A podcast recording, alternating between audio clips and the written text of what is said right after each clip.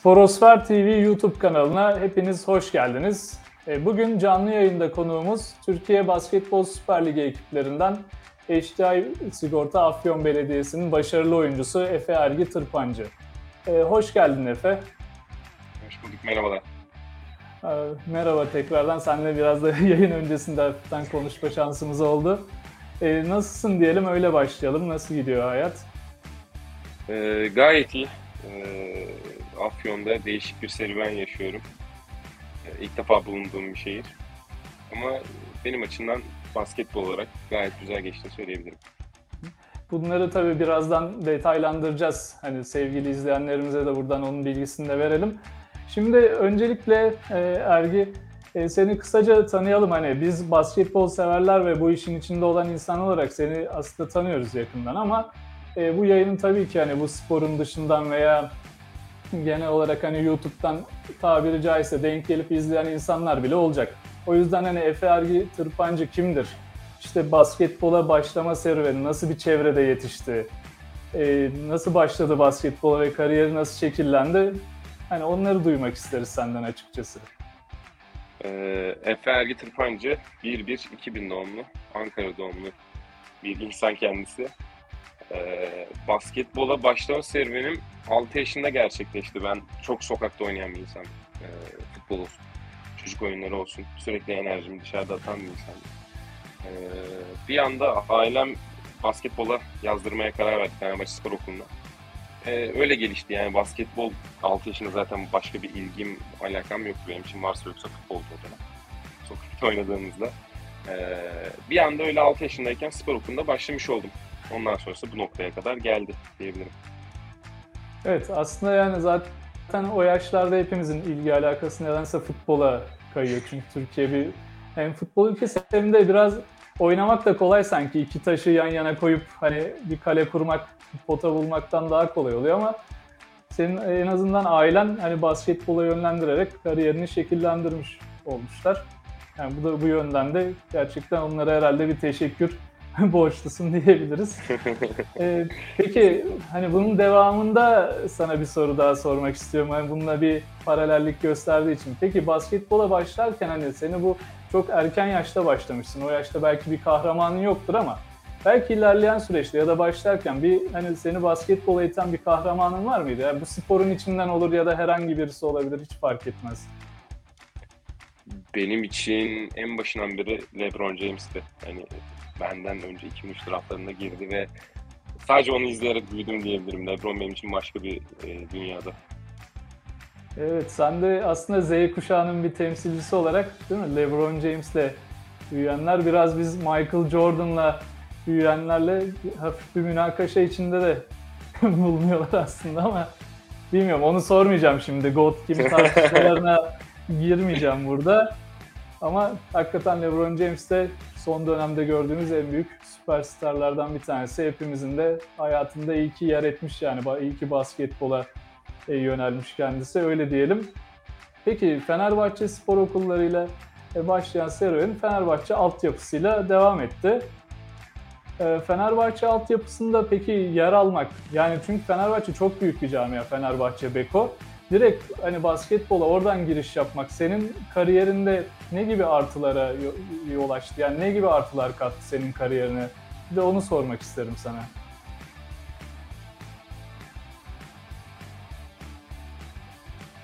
Sesim geliyor mu Ergi? Ya benim geliyor şu an. Ee, en başından beri antrenörlerimiz söylediği altyapıda e, burada sizin yerinizde olmak isteyen 1 milyon tane çocuk var diyor. Ki çok haklı Fenerbahçe baktığınız zaman Türkiye'nin en büyük spor kulüplerinden bir tanesi. Ve e, sizin yerinizde olmak isteyen milyonlarca insan hadi 1 milyon diyerek biz bunu sınırlandırıyorduk ama orada olmanın bilinci bambaşkaydı. Bizim, benim açımdan özellikle formayı giymenin. E, her zaman bu bilinçte oldum yani çalıştım. E, bir noktaya Fenerbahçe A takım ilk başta hedef miydi? Hayır değil. Sadece o formayı giymek bile bana gitmek bile mutluluk verici bir şeydi benim açımdan. E, bana kattığı en büyük değer bu oldu diyebilirim. Armaya saygı. Evet zaten hani hepimizin de bildiği gibi yani Türkiye'de spor anlamında bir, birkaç tane kulüp saydığımızda Fenerbahçe bunlardan en önde gelenler arasında yer alıyor. E, o atmosferinde sana aynen ne kadar artık attığını zaten hani gözlemleyebiliyoruz inşa ettiğin kariyerden hani yola çıkarak. Peki e, alt, alt yaş kategorilerini geçersek e, henüz genç denebilecek bir yaşta 2017 yılında yanlış hatırlamıyorsam e, Fenerbahçe formasını giydin 17 yaşında A takımda ve ilk resmi maçına çıktın. Sanırım bir Türkiye Kupası maçı mıydı ben doğru hatırlıyorsam. Yani Sen de Türkiye? Kupası maçı mıydı? Hayır ya şey Antep maçıydı sanırsam. Ya Antep maçı ya Bamit maçı da olabilir ikisinden birisi. Ama Tamam. Türkiye Kupası ev sahibiydik. Ülker Arena'da da o kadarını hatırlıyorum. Oynadığım saniyeleri dakikayı da hatırlıyorum bu arada. Normal lig muhtemelen- maçıydı. Muhtemelen hatırlarsın. Benim de sana sormak istediğim oydu aslında. Hani o kadar genç bir oyuncu olarak böyle ağır bir formayı sırtına geçirmek nasıl bir duyguydu? Neler yaşadın o ilk maçta? Hani bu gençlere de örnek olması açısından ve yaşadığın tecrübeleri aktarmak açısından gerçekten çok önemli. O yüzden bu soruyu sana yöneltmek istiyorum. Yani duyguların tarifi olmayan bir noktadaydım o sırada. Öyle söyleyebilirim. Yani neredeyim, ne yapıyorum, şimdi oyuna mı gireceğim? Normalde ondan önce işte 10 sene oynamışsın. 10-12 sene oynamışsın. Ben sürekli oynadığım basketbol aslında ama o noktaya gelince nasıl ya? Hani ne ara bu noktaya geldim olmuştum ilk maçımda. Ee, çok değişik duygular. Yani hiçbir duygu hissetmeyip bu kadar fazla duyguyu bir anda hissetmek gibi bir şeydi. Yani maçtan çıktıktan sonra bile anlam veremediğim bir olaydı benim için. Ee, büyülü anlar diyorlar ya öyle büyülü andı benim açımdan. Sanki evet bir rüya gibi değil mi? Çok hızlı geçen ve sonunu hani baktığında "Aa, ben ne yaşadım dediğin bir durum oluşuyor. Peki kenarda da tabii sene 2017 olunca Jelko Obradovic vardı değil mi takımın başında? Onun da etkisi vardır herhalde yaşadığın heyecanın bir tık daha artmasında. Çünkü hani az önce e, konu, sen şey dedin Fenerbahçe formasını isteyen bir, giymek isteyen 1 milyon çocuk var diye ben Obradovic'te çalışmak isteyen de 1 milyon basketbolcu vardır hani nereden bakarsan. O yüzden de büyük bir şans bence değil mi? Senin Obradovic'te çalışman. Sen ne dersin? Hani kısaca onu da sorayım. Ee, Obradovic'in kendisi bambaşka bir insan. Hani, ee, hem sağ içi hem sağ dışı gerçekten farklı bir dünyadasın. Onun dedikleri o kadar önemli ki onun oyuncusuyken. Çünkü bir dediği altın senin için. O öğrenirsen hayatına bambaşka bir dünyalara giriş yapabilirsin hayatında. Hep öyle baktım Ceko'ya. Her zaman öyle baktım. Yani ne söylesin, hadi bir şey söylesin, hadi bir kızsın, ne öğüt verecek, kızdığında ne söyleyecek gibi baktım. O yüzden çok katkısı oldu benim açımdan. Tamamen bir öğretmen gibiydi benim için. Evet, buradan kendisine de saygılarımızı iletelim ve e, bir başka soruyla devam edelim. E, şimdi biraz da milli takım konuşalım istiyorum. Alt yaş kategorilerinde yine milli takımlarda forma giydiğini biliyoruz. E, yalnız A milli takımda seni henüz izleyemedik. Yanlışım varsa düzelt. Ama tabii daha hani genç bir oyuncusun nispeten ve milli takımın kapıları da şu, şu dönemde özellikle herkese açık. Şimdi e, tahminim hayalin tabii ki milli takımda oynamaktır ama yine de ben bu soruyu sana yöneltmek istiyorum. Hani milli takımda oynama gibi bir hayalin var mı ve bununla ilgili hani özel bir idman veya çaba sarf ediyor musun yoksa hani milli takımın e, sana sunacağı fırsatı mı bekliyorsun? Nasıl gelişiyor bu olaylar? Biraz da hani o içeriden şeyi öğrenmek istedim. Milli takım senin kapını nasıl çalıyor ya Ergi?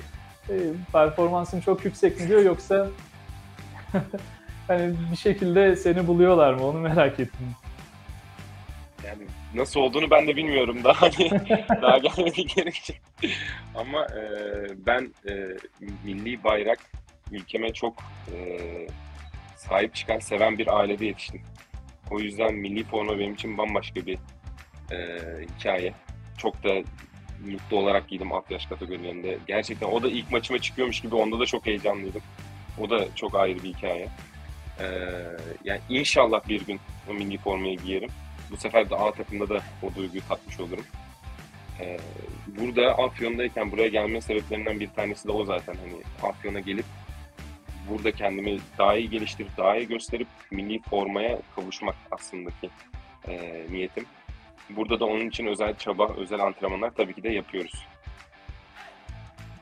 Evet milli takım aslında dediğin gibi son dönemde de bir gençleştirme operasyonu da var milli takım içerisinde. Jenerasyon yenileniyor. Umarım seni de ileriki dönemde e, milli takımda görmeyi e, umut ediyoruz. Bence hani ben şahsi görüşüm olarak söyleyeyim gerçekten bence hani yeteneklerinle orada yer almayı da hak ediyorsun.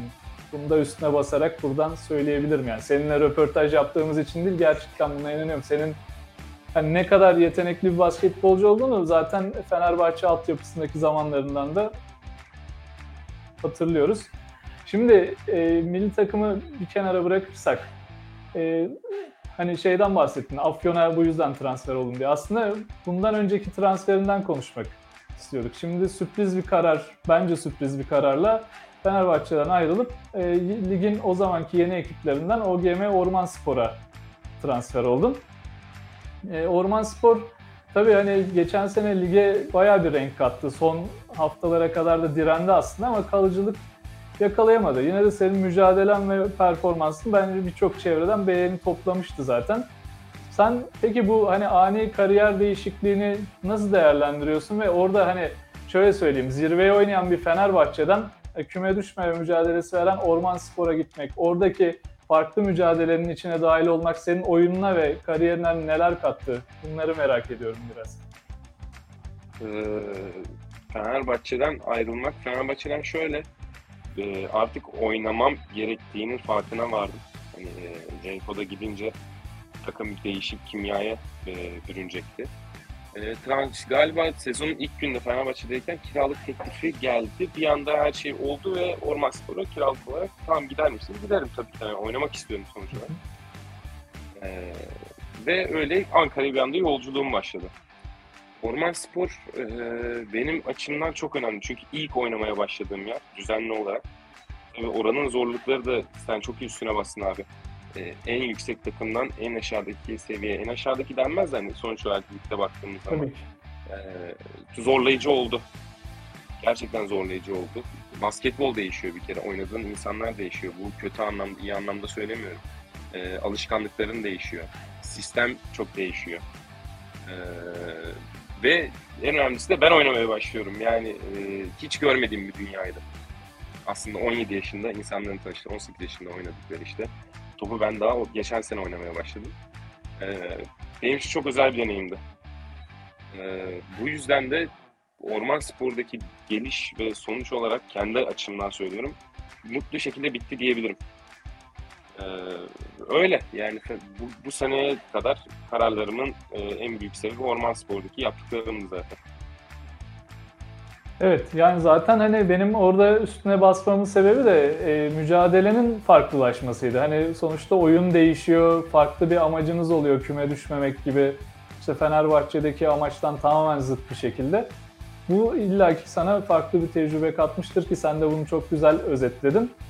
E, bunun sonucunda da nitekim hani takım maalesef hani şanssız bir şekilde küme düşse de sen bu performansınla ligin e, dişli ekiplerinden HDI Sigorta Afyon Belediye'ye bu sezon başıyla e, kadrosuna katıldın. Peki e, Afyon'a gelmek nasıldı Orman Spor'dan sonra?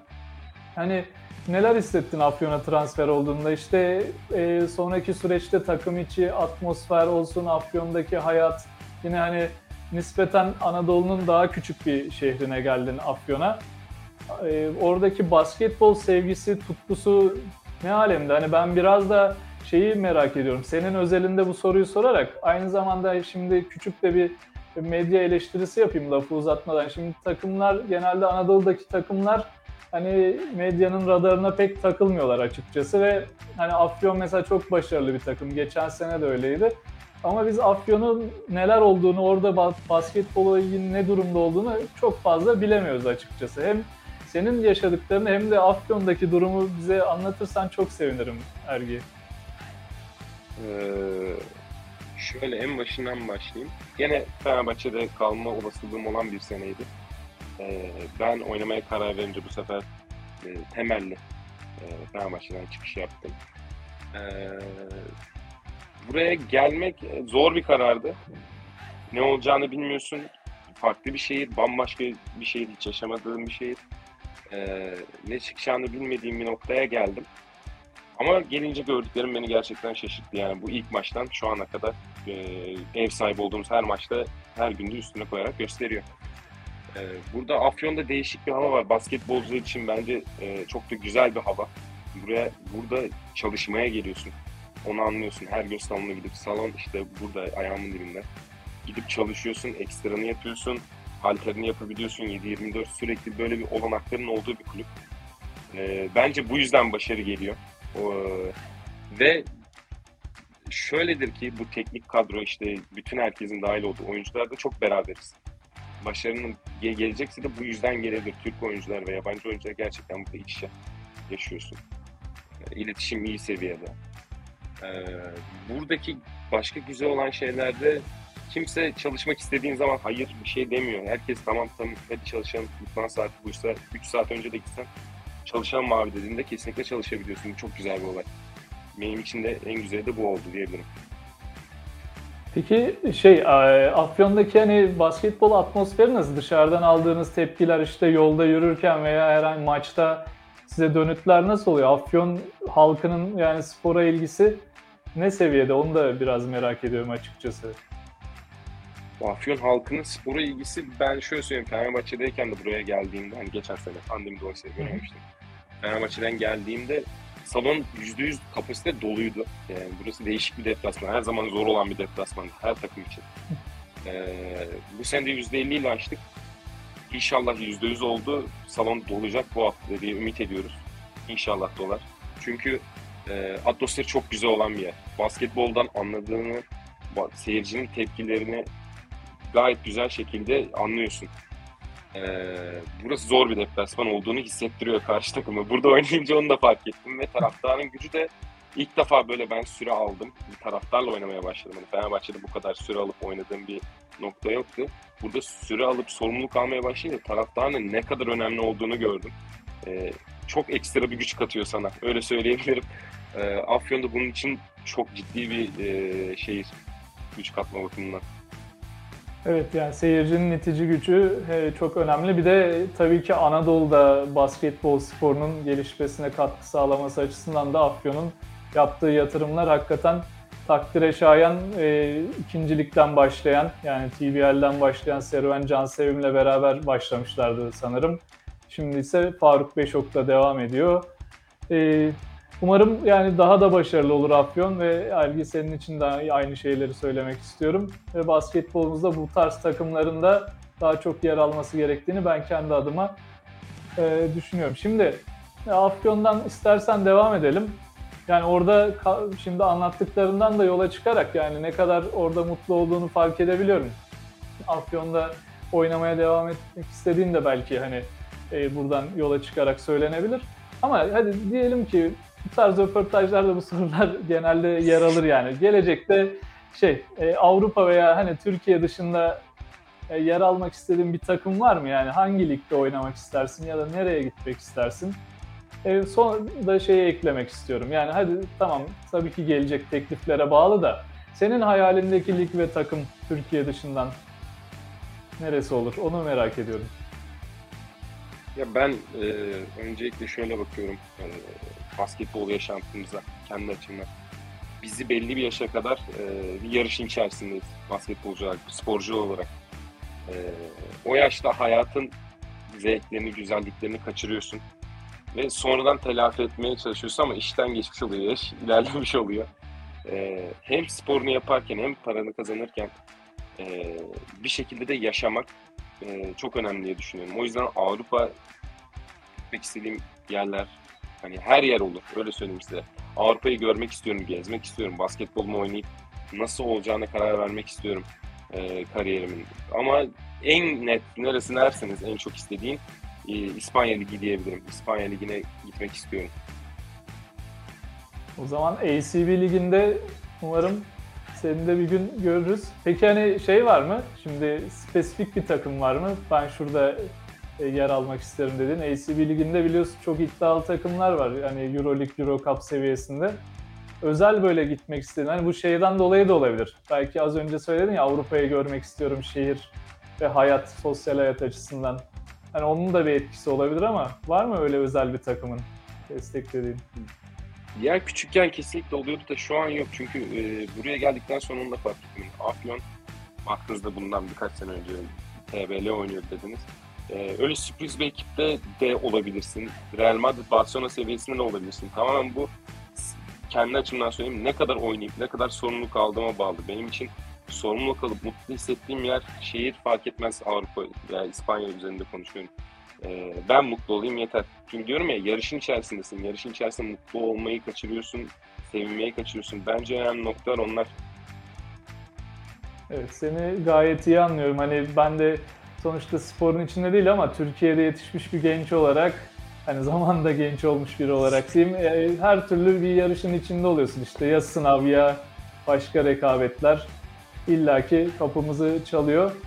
E, bu arada özür dilerek hemen bir kısa not ekleyeceğim. E, şey canlı e, yayındayız ve soru, yorum ve düşüncelerinizi bize iletebilirsiniz canlı chat kısmından yayınımıza e, destek olabilirsiniz. Ayrıca Ergi'ye de özel olarak yöneltmek istediğiniz sorular varsa oradan bize ulaşabilirsiniz diyelim.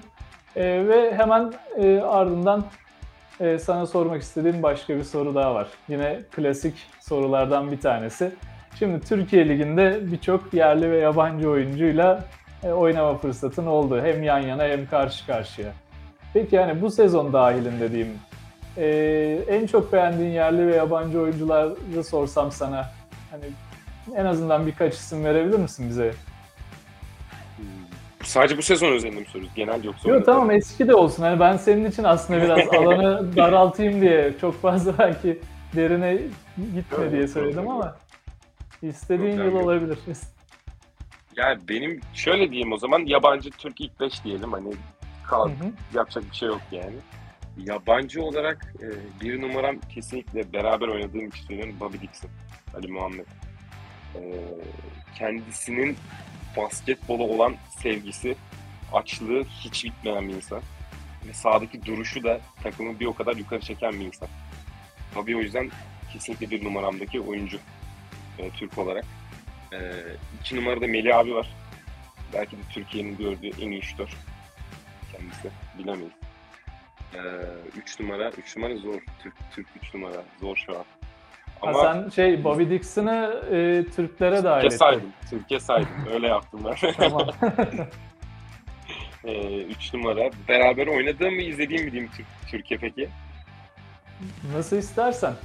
Bel- belki de şey olsun ya iki tane beraber oynadığın ismi söyledin. Hadi bir tane de izlediğin olsun. İzlediğim üç numara Türk. Ya da karşı karşıya oynadığın olsun.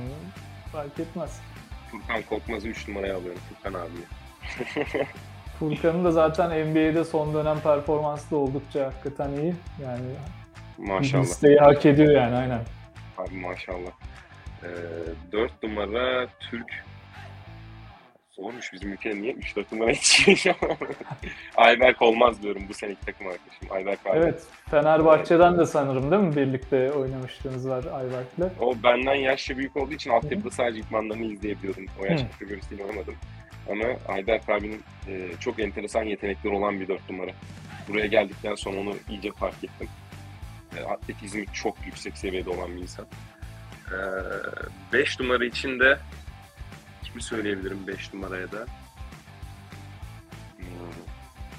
Biraz uzun sıkıntısı çektiğimiz Semih Erdem, Semih abi, belli Semih değil abi. mi? Semih abi. Semih abiyi koyuyorum. Semih abi 5 numaraya çok net.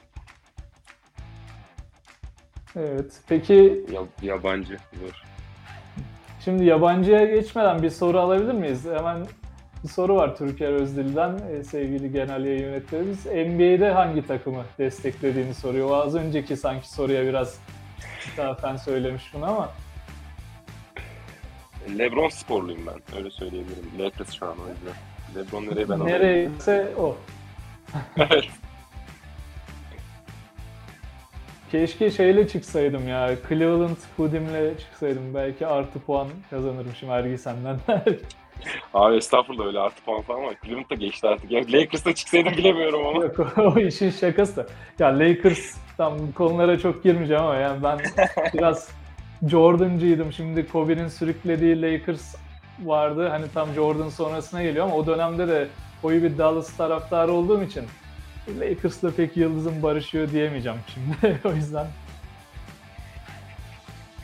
Ben en iyisi senden diğer e, ülkemizdeki yabancı beşini alayım bu konuyu kapatayım. Ee, yabancı beşim. e, bunu hiç konsantre olmadım şu an. Kostas Sulukas bir numaraya. İki numara Nando De Colo. Nando 3. Gigi Latome 4. Nicola Melli 5. Yan Veseli. Bütün e, Fenerbahçe'nin şampiyon kadrosu mu oldu? Yani sanki? karma şampiyon karma oldu birazcık ama yani bu isimler bambaşka boyuttalar onları gör- görünce izleyince anlıyorum yani gerçekten. Yok, gerçekten haklısın. O özellikle onların olduğu Obradoviçli kadro hakikaten Türk basketbolunu bence bir tık ileriye taşımayı da başardı her açıdan. Hem Avrupa'da hem yani ülkeye kattıkları anlamında.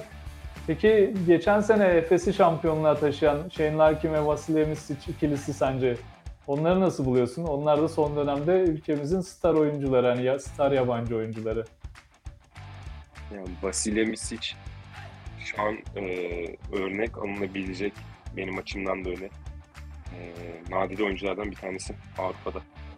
Her izlediğimde böyle bu sefer de mi hani ne yapıyorsun dediğim oyunculardan bir tanesi. Çok akıllı oynuyor. Çok bambaşka boyutta oynuyor. Bu, bu seviyeye gelmesi bilmiyorum. Yani ben ben hiç tahmin etmezdim. Hiçbir zaman Vasilya Misic bu seviyede olacak diyen bir insan da tanımadım.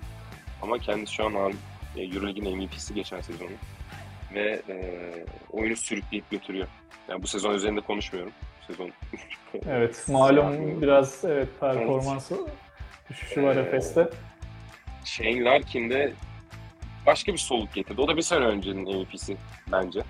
hani iki sene üstte MVP'likleri var. Ee, Shane Larkin de istediği zaman 50 atabilecek bir potansiyel. O da çok enteresan. Çok enteresan yani. Hani bunları sormamdaki sebep biraz da aslında benim merak etmemden kaynaklı. Ben bayağı ikisine de son dönemde hayranlık duyuyorum yani Efes'e de e, bir sempatim var. E, hani karşılıklı da oynadığın için bunları senden duymak, Larkin neler yaptığını televizyondan ve hani sahadan izliyoruz ama hakikaten yani inanılmaz bir oyuncu olabileceğini bize gösteriyor. Miçic özelinde de e, sen bahsettin hatta kariyer ne baktığımız zaman belki de birçok sporcu hatta belki sana bile şey olacak böyle ilham verecek bir kariyeri var. Onu da yanlış hatırlamıyorsam bu Tofaş'tan geçen yolu işte Jalgiris, Kaunas, ondan sonra Efes ve artık Euroleague MVP'liğine giden hani hiçbir zaman mücadele etmeyi bırakmamak lazım mesajını bize veriyor Vasilya için kariyeri diyelim. Eklemek istediğim bir şey var mı bu kadroların üzerine? Belki şeyi de sayarsın. e, 12'yi dolduracak mısın? Yok. yok yok ama e, almadığım abilerim kusura bakmasın yani öyle genel olarak bir, bir dakikalık saydım. Hani izleyen olursa denk gelirse falan kusura bakmayın abilerim. Ee, yok ekleyeceğim başka bir şey yok abi. Ya, tabii ki hani bunlar bir şey oluyor böyle bir kıstas değil. Hepimizin gönlünden Kesinlikle. geçen isimler. Diyelim bir sorumuz daha var Ergi bu arada. Hani pandemi girdi araya biliyorsun ve ligler tatil edildi. Ee, bu senin kariyerine ne gibi bir etki yaptı? Hani bu düşüşe sebep oldu mu senin böyle çalışma azminde ya da kariyerinde yoksa hani etkilerini daha mı az hissettin dersin? Ne dersin? Yani hiçbir zaman bu kadar evde oturmamıştım diyebilirim. Herkes öyle söyler ama ben hiç oturmadım Evet. öyle söyleyeyim. Ee, her zaman antrenman, okul temposu içerisinde kaybolup gittiğimiz dönemde ee, beni etkilemedi öyle söyleyebilirim. Ben evde çalışmamı sürdürdüm. Bize gelen ayrı bir program vardı. Ee, ayrıca ben çalışıyordum. Aynı kiloda sabit olarak kaldım çok şükür ki. Hiçbir kilo almadan. Ee, psikolojik olarak etkisi tabii ki de olmuştur. Ama çabuk atlatmak lazım. Yani dünyada her şey olup bitiyor, geçiyor. Ee, eskide kalamıyorsun. O gün, o günde kaldı. Yani çok etkisi olduğunu düşünmüyorum benim açımdan. Ee, bu açıdan da hakikaten sevindirici yani senin etkilenmen. Umarım bütün hani e, sporcularımız da senin gibi hızlı şekilde pandeminin etkilerini atlatırlar ve zaten hani salonlarda şey e, dolmaya başladı. Sen az önce bahsettin bir arada e, %50 şimdi tam kapasiteye sanırım geçilecek. E, bu da basketbola ve Türk sporuna olan hem yani özlemi giderir hem de artık insanların yani seyircilerin onlar da evde kaldılar yani nitekim bizler. Onlara da biraz e, moral olur. diye ekleyebiliriz. Peki şimdi son olarak sana sormak istediğim bir soru daha var Ergi müsaadenle. E, şimdi zaten hani konuşmamızda geçti. NBA ve Euroligi takip ettiğini az çok zaten söylediklerinden çıkarabiliriz.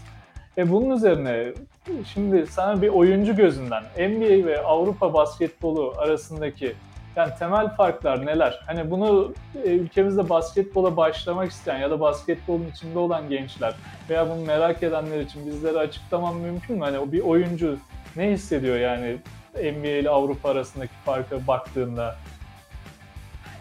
Ben e, Euroleague izleyerek başlamadım basketbola. Yani 2008 yılındaki Lakers Boston, 2009-2010 yani o şeyleri izleyerek, e, derbileri izleyerek basketbolu anlamaya başladım. 2011 Çocuk için şampiyonluğu Dallas'ın onu da izlemişsindir diye düşünüyorum o zaman. bu konuya girmeyecektik ama evet acı acı izledim. Acı acı izledim yani. Benim açımdan çok acı bir dönemdi. Ee, yani ben basketbolu NBA izleyerek sevdim, tanıdım. Çünkü izlemesi en keyifli olan yer orası geliyordu o zaman da. Oyuncuların üç, uçup kaçmaları, o üçlükler, her şey yani. Ama yaş büyüdükçe Euroleague izlemek bambaşka bir sevgi oldu benim için.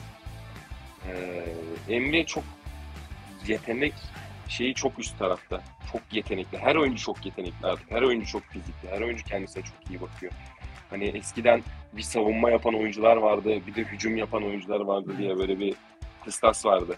Şu an herkes hem savunma yapabiliyor, hem hücum yapabiliyor, hem üçlük atabiliyor, hem havalarda uçup dank vurabiliyor. Yani artık öyle bir durum da bitti. NBA total bir oyuncu grubuna sahip. Ee, Euroleague'de hala öyle bir durum değil. Herkesin belli bir rolü olan ve basketbolun hala e, nasıl söylenir e, detay olarak bakıldığı bir noktada her pozisyonun çok önemli olduğu bir noktadasın Euroleague'de. Bunu izlerken çok zevk alıyorum Euroleague izlerken. E, NBA izlerken de yetenekleri izliyorsun. Abi bu oyuncu nasıl bu kadar yetenekli olabilir diye bakıyorum şu an. Tamamen ikisinin ayrımı bu bence. Euroleague'de, Avrupa basketbolunda pozisyon çok önemli. NBA'de oyuncu yetenekleri daha ön planda diye bakıyorum. Yani aslında evet e, bu yönde bu arada paralel de düşünüyoruz. Avrupa basketbol neredeyse bir satranç oyunu gibi.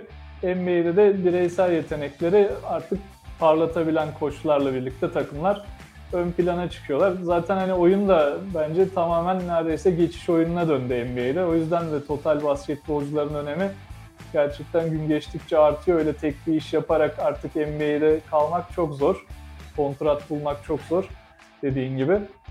Yani Avrupa basketbolunda ben mesela arkadaşlarıma da bu yani basketbol izleyen arkadaşlarıma bu kadar profesyonel olanlar değil ama e, hep şeydi Euroleague övgüleri yapıyorum ama bir türlü anlamıyorlar. Buradan da senin açıklamaların onların umarım kulaklarına gider. Hani yaş ilerledikçe de biraz evet Euroleague'den o satranç oyunundan daha çok zevk almaya başlıyorsun. Setler üstünden dönen oyun gerçekten daha çok zevk veriyor. Diyelim senin başka eklemek istediğin var mı Ergi bu konuyla alakalı? Yok bu konuyla alakalı başka yok. Peki o zaman bakıyorum şimdi e, chat'e sanırım bir sorumuz da yok.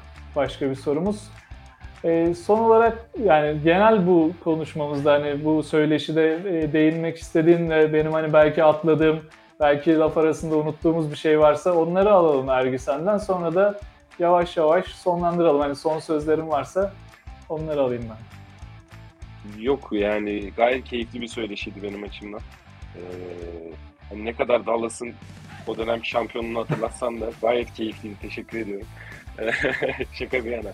Çok teşekkürler. Ee, çok zevk alarak geçti benim açımdan. Çok sağ olun.